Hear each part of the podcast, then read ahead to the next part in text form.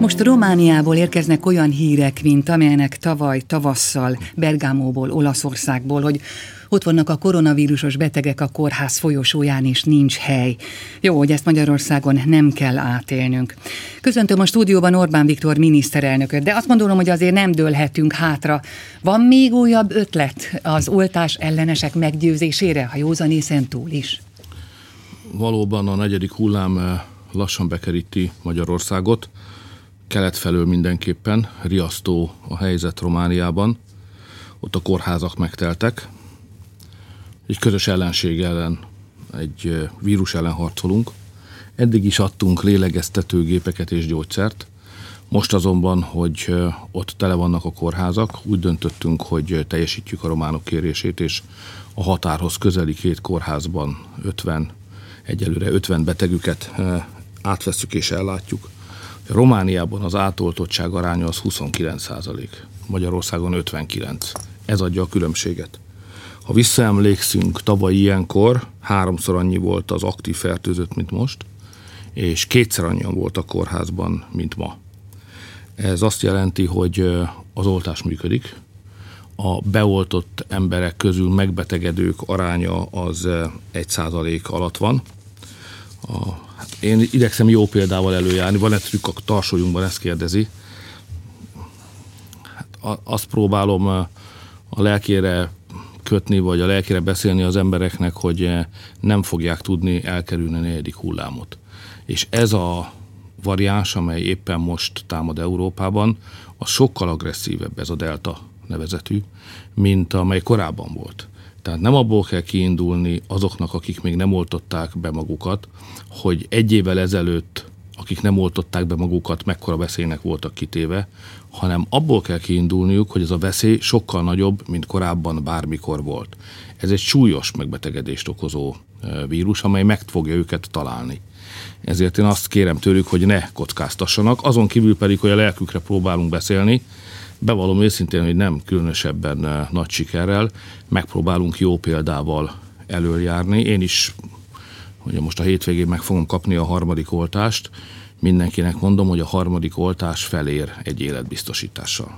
A Magyar Tudományos Akadémia közleménytett közzé, ők is még egyszer megpróbálják elmondani ugyanazt, amit ön is ismétel hétről hétre, hogy nincs más megoldás, csak az oltás, de azért az árt helyeken, mondjuk tömegközlekedési eszközökön hordjunk maszkot, mert az is ér valamit.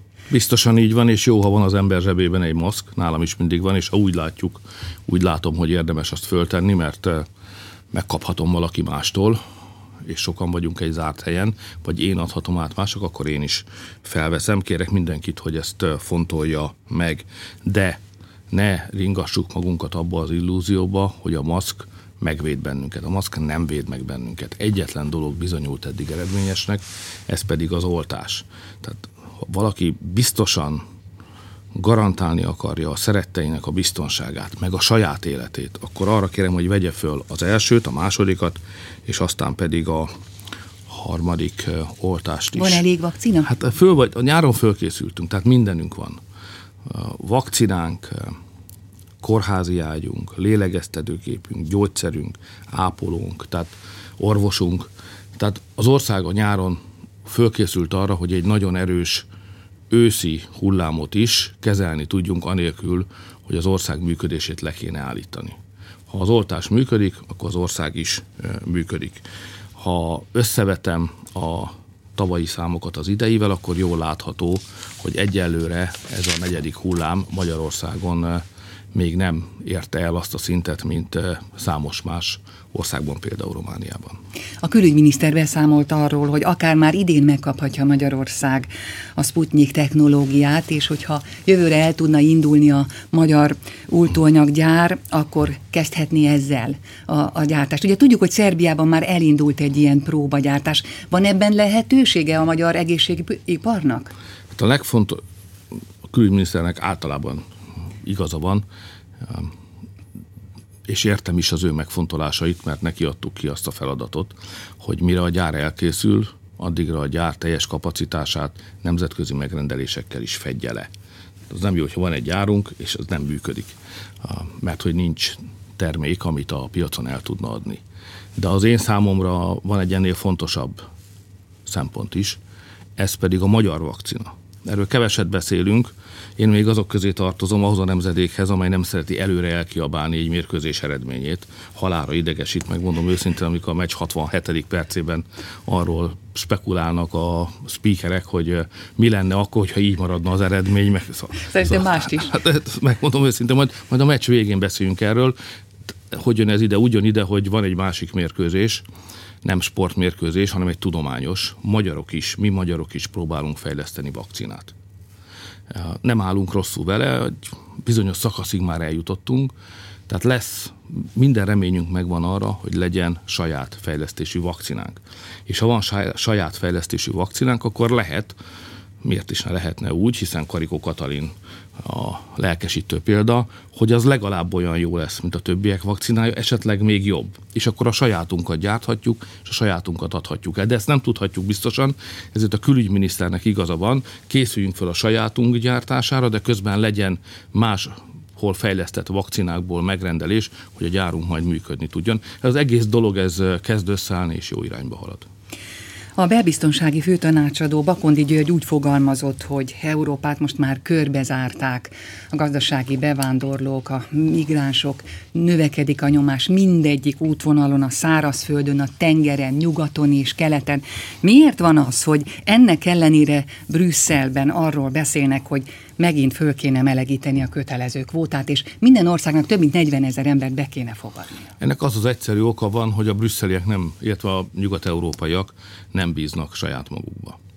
Tehát ott kevés gyerek születik, itt is kevés gyerek születik, de ott föladták azt a reményt, hogy a saját nemzetük asszonyai és férfiai ezen a népesedési, demográfiai válságon urá tudnak lenni.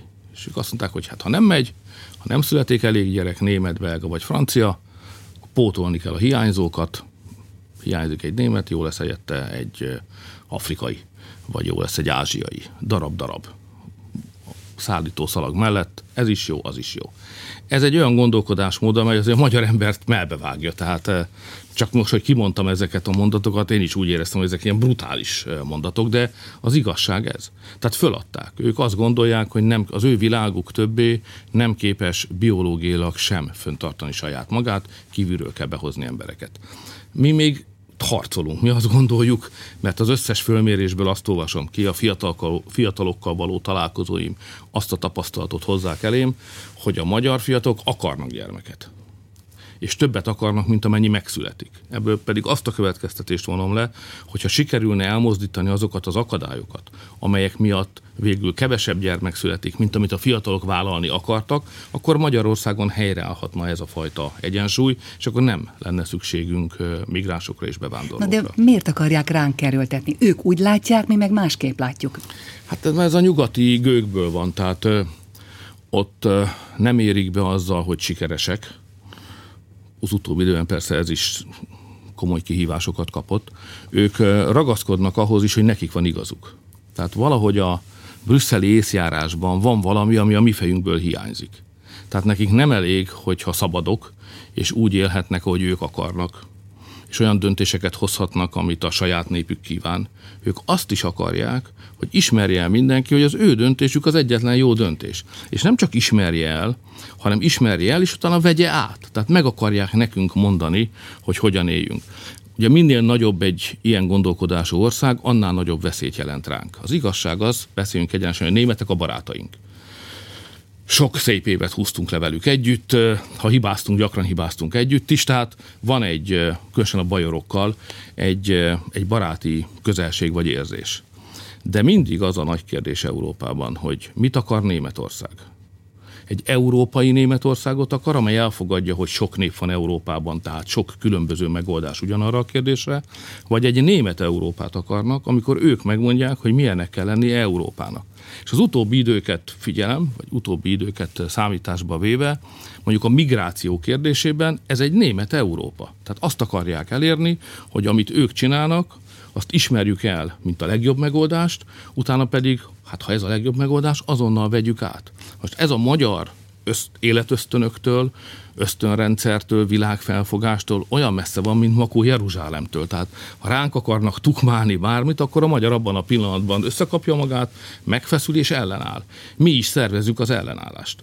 Tehát sok góliát most Dávid ellen szervezkedik. 12 ország most közösen írt egy levelet, amiben leírtuk, hogy ahelyett, hogy kötelező kvótákkal bombáznának bennünket megint, mert ezt napirendre tűzik újra, ehelyett milyen lépéseket kellene tenni annak érdekében, hogy Európa külső határait megvédjük. Úgyhogy miközben jön ránk a nyomás nyugatról, aközben itt Közép-Európában, az osztrákokat is ideértve, meg még a görögöket is, tehát azok, akik itt a baj, migráció miatt bajban lévő sávjában élnek Európában, őket próbáljuk mi is szervezni, ők is szervezkednek, és egy ellensúlyt akarunk képezni a német Európa koncepciójával. Ezek szemben. szerint akkor lesz értelme annak, hogy a kis Dávidok összeállnak? Szóval azért az érdekes, hogy ér- Litván határ miatt most aggódik az Európai Unió. Érdekes, a, a déli határok miatt, a szerb-magyar határ miatt nem aggódik az Európai Unió. Hát legyünk pozitívak, és mondjuk azt, hogy azért, mert bennünk bíznak. és úgy gondolják, hogy mi egyedül is meg tudjuk oldani. Persze, csak hat éve azt mondják, hogy bontsuk le a kerítést. Igen, de mindig így volt. Tehát most nem egy történelmi beszélgetést folytatunk, de ha valaki a tekintetét végigfutatja a magyar történelmen, akkor az mindig úgy volt, hogyha jött a baj délről, akkor a nyugatiak nem segítettek bennünket, hogy megvédjük magunkat, hanem azt találták ki, hogy Magyarország legyen egy ütköző zóna, hogy ők kényelmesen és biztonságban élhessenek. Mert hogyha a bajok Magyarország területén robbannak ki, ha itt vannak a háborúk, így volt ez a ottomán birodalom esetében, ha itt van oroszok, ha itt vannak a bajok, akkor az azt jelenti, hogy a baj nem érhet el hozzájuk, és akkor ők folytathatják a kényelmes életüket. Ezért dobtak bennünket oda. A Szovjetuniónak ezért nem segítettek a török ellen, ők egy ütköző zónát akarnak létrehozni Magyarországból. Aztán nem beszélek, hogy mikor sikerült nagy nehezen a törököt kiszorítani, akkor arra hivatkozva, hogy mi erre nem voltunk képesek, hogy is lettünk volna, hiszen magunk rajtak bennünket, akkor a töröktől visszavett területeket szétosztották a saját arisztokratáik között, mint hadizsákmányt, és nem adták vissza a régi magyar tulajdonosoknak. Tehát nekünk van egy tapasztalatunk arról, hogy hogyan gondolkodnak Közép-Európáról, Nyugat-Európában, ezért Közép-Európa nem számíthat az ő jó indulatukra. Jó, ha van ilyen jó indulat, jó is, ha azt meg tudjuk szerezni, ügyes diplomáciával ezt el is lehet érni, de Közép-Európának meg kell szerveznie magát a saját érdekei mentén, mert rajtunk kívül senkinek nem érdeke egy sikeres Közép-Európa. Igen, de ott vannak azért a tapasztalatok, ott van a valóság. Látják azt, hogy a hat éve tartó tömeges migráció nem hozta meg azt az eredményt, amit ők vártak. Nem álltak munkába annyian, mint amennyit reméltek. A társadalom nagy része nem tudja elfogadni egyik a másiknak a szokásait és a kultúráját. Tehát ott van az ellentmondás, és mégsem látják be. Egy hiba beismerése az, az nagy vonalúságot szellemi, intellektuális és lelki nagyvonalúságot igényelne. Ma ez hiányzik a világpolitikából általában, az európaiból pedig különösképpen. Ma mindenki kerítést épít, sőt ma mindenki örül annak, hogy Magyarország megépítette a kerítést. Soha egyetlen európai vezető nem mondta azt, hogy nektek volt igazatok hat évvel ezelőtt, mi igazságtalanok voltunk veletek szemben, mi helytelenül tettük, hogy támadtunk benneteket, és kérjük mint barátok, ezt nézzétek el nekünk, mert a barát attól barát, hogy a másik hibáját is el tudja fogadni. Ez a beszédmód nincsen. Ez kiment a divatból, a nagy vonalúság nem része az európai politikának. Itt van egy másik nagyon fontos kérdés. Azt látjuk, hogy az Európai Unió nyugati részén ott olyan mértékben emelkednek az árak, az, a rezsiárak, hogy az ijesztő. Magyarországon meg lehet akadályozni azt, hogy begyűrűzön ez a magas energiaár? Hát, hogy visszaemlékeznek a kedves hallgatók, régen volt ugyan a 2010-ben kezdődő polgári kereszténydemokrata kormányzás első éveire, akkor az első csaták között volt a rezsi harc Brüsszellel. Ugye Magyarországon a 2000-es években, ami a baloldal irányítása alatt eltöltött éveket jelenti, volt egy olyan gyakorlat, hogy a nagy nemzetközi multicégek, akik egyébként megvásárolták, mert hát a baloldali kormányok eladták a áramszolgáltatókat, meg még az áramtermelők egy részét is, kérték a kormányt, hogy hadd emeljenek árat, mert a piaci helyzet ezt kívánja, és akkor a Gyurcsány bajnai kormány mintegy 15-ször ezt az engedélyt meg is adta. és az égben voltak az árak. Erre emlékezhet talán az, aki akkor már saját háztartást vitt és gyermekei voltak. Szóval a rezsi árak az égben voltak. És akkor 2010-ben, amikor egy polgári kormány jött, akkor azt döntöttük, hogy ennek véget kell vetni. Ez egy nagy csata volt. Évekig tartott, még végül sikerült az akaratunkat elfogadtatni a Magyarországon működő multikkal, és az őket egyébként körömszakadtáig védelmező brüsszeli bürokratákkal is. De ezt a csatát megnyertük, és bevezettünk egy rezsiár szabályozást Magyarországon, amely rögzítette a gáz meg a villany árát. Ennek köszönhetően kigyűjtöttem néhány adatot. Bécsben ma az áram ára az több mint duplája a budapestinek, Berli, a berliniek pedig háromszor annyit fizetnek, mint mi. Ugyanez a helyzet a gázzal. Berlinben a gáz ára duplája a budapestinek, és Bécsben pedig háromszorosa. Hogy egy messzibb példát is mondjak, Svédországban a budapesti gázárnak a nyolcszorosát kell fizetni a lakosságnak. Tehát mi megvívtunk egy sikeres harcot, hiába mozog a piaci ár fölfelé, mint az elmúlt időszakban történt. Ez a rögzített ár, ez megvéd bennünket. Ezt magyarázom mindig a parlamentben a baloldali képviselőknek, ott a Gyurcsányféle erőcsoportnak, hogy ne követeljék, hogy vezessük be a piaci árat. Állandóan ezt hozzák elő, hogy vezessük be a piaci árat a gáz és az áramszolgáltatás tekintetében. Ha ezt megtennénk, akkor ma körülbelül 380-400 ezer forinttal többet fizetne egy átlagos magyar család egy évben, havonta olyan 31 néhány ezer forinttal. Tehát szerintem a rezsiharc eredményét meg kell védeni. Na most azt lehetett tudni már fél évvel ezelőtt, hogy a világpiacon az árak fölfelé indulnak el. Volt fél éve Brüsszelnek arra, hogy fölkészüljön erre. Nem csináltak semmit. És most ahelyett egyébként, hogy beismernék, egy Timmermans nevű biztos vezeti ezt a részét az uniónak. Tehát ahelyett, hogy beismernék a hibájukat, és azt mondanák, hogy itt van például a magyar jó példa, védjük meg a polgárainkat, az állampolgárainkat a magas áraktól, még megfejelik a dolgot. Tehát ők most arra készülnek Brüsszelben, hogy nem elég a mostani baj, ők még további árat akarnak emelni az áram és a villany esetében, meg az üzemanyag esetében is, azzal az indoklással, hogy klímavédelmet kell folytatni. Mi magyarok ezzel egyetértünk, tehát klímavédelem jó dolog, azt a harcot folytatni kell. De azt úgy kell csinálni, hogy a klímaromboló nagy nemzetközi cégekkel kell megfizetni ennek az árát és költségét, és nem a lakossága. Most meg akarják adóztatni egy bonyolult rendszer bevezetésével azokat az embereket és családokat, akiknek saját autójuk van, és saját, saját lakásuk van. Most mi ennek ellenállunk? Most a V4-ekkel vagyunk éppen összeesküvésben, itt voltak Budapesten, és megbeszéltük, hogy semmiképpen nem járulunk hozzá a jövő héten esedékes európai csúcs találkozón olyan döntésekhez, amelyek tovább emelnék a villany meg a gázárát. Ugye beszélnek arról régóta már, hogy Európa jövőjéről tulajdonképpen egy össztársadalmi egyeztetés van. Olvastam, hogy már 3000 konferenciát is tartottak ebben a témakörben, és gyűjtik az ötleteket, hogy hogyan lehetne Európa jövőjét szebbé, jobbá tenni. Azért úgy fölmerül az emberben, hogy milyen jövőről beszélnek, amikor sem a határokat nem tudjuk megvédeni, sem az energiabiztonságot nem tudják biztosítani. Hát éppen hallom, hogy a, a holland Rutte kormány már tudja előre, hogy majd télen baj lesz, meg nincs elég gáz, és akkor a legjobb javaslata, hogy tessék egy pusz, pulóvert fölvenni esténként otthon a lakásban. Hát mondjuk ez nekem is eszembe jutott volna.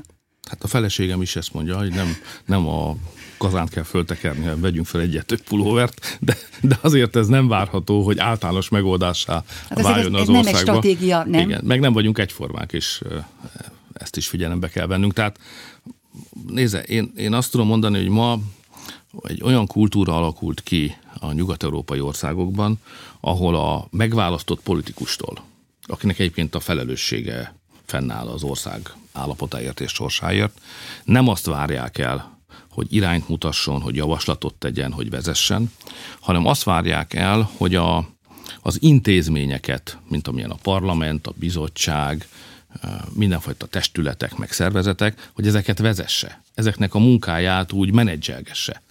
És ez egy, ez, egy ked, ez egy kedves gondolat, ugye, mert Nyugat-Európában abból indulnak ki, az erős vezetőből akár baj is lehet. És arra felé volt is baj már, éppen elég.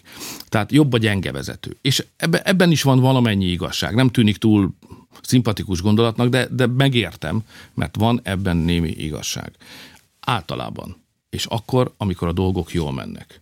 De amikor a dolgok rosszul mennek, meg új jelenség ütötte fel a fejét.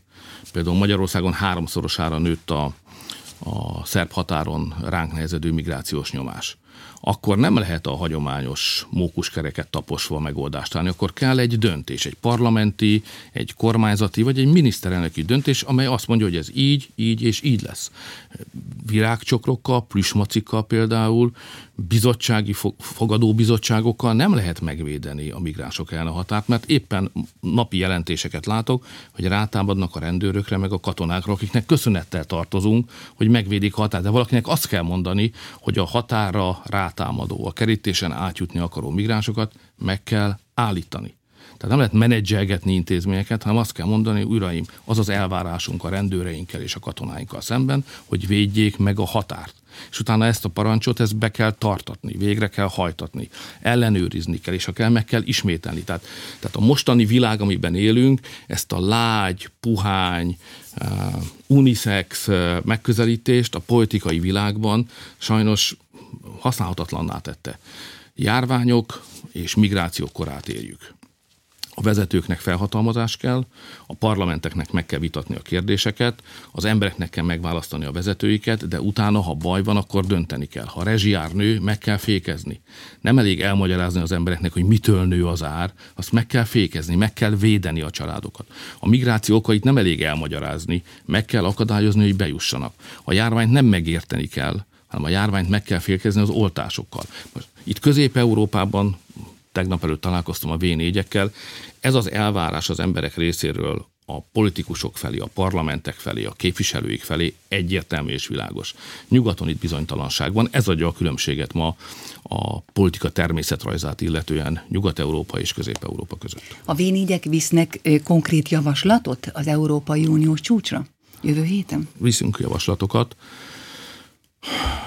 mindenképpen át akarjuk alakítani azt az árszabályozási rendszert, amelyet ma Nyugat-Európában használnak, és ki akarjuk küszöbölni a spekulációs elemet. Tehát egy olyan bonyolult ár és szennyezés szabályozási rendszer működik ma Nyugat-Európában, amelynek az eredményeképpen ilyen szennyezési kvótákkal kereskedni lehet a piacon.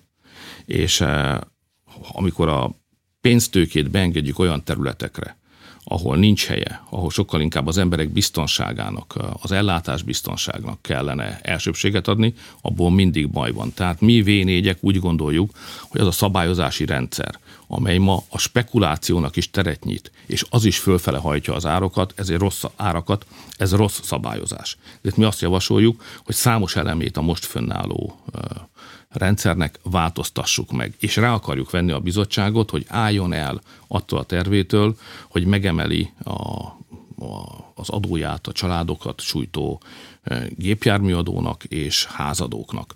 A, úgy nem lehet a klíma ellen klímaromblás ellen védekezni, hogy azt mondjuk az embereknek, hogy fűtsetek kevesebbet, és használjátok kevesebbet az autókat, autótokat. Azt kell megnézni, hogy ki nyer a szennyezést okozó üzletágakon, és abból a profitból kell egy meghatározó részt visszaemelni és klímavédelmi célokra felhasználni. Köszönöm. Orbán Viktor miniszterelnököt hallották.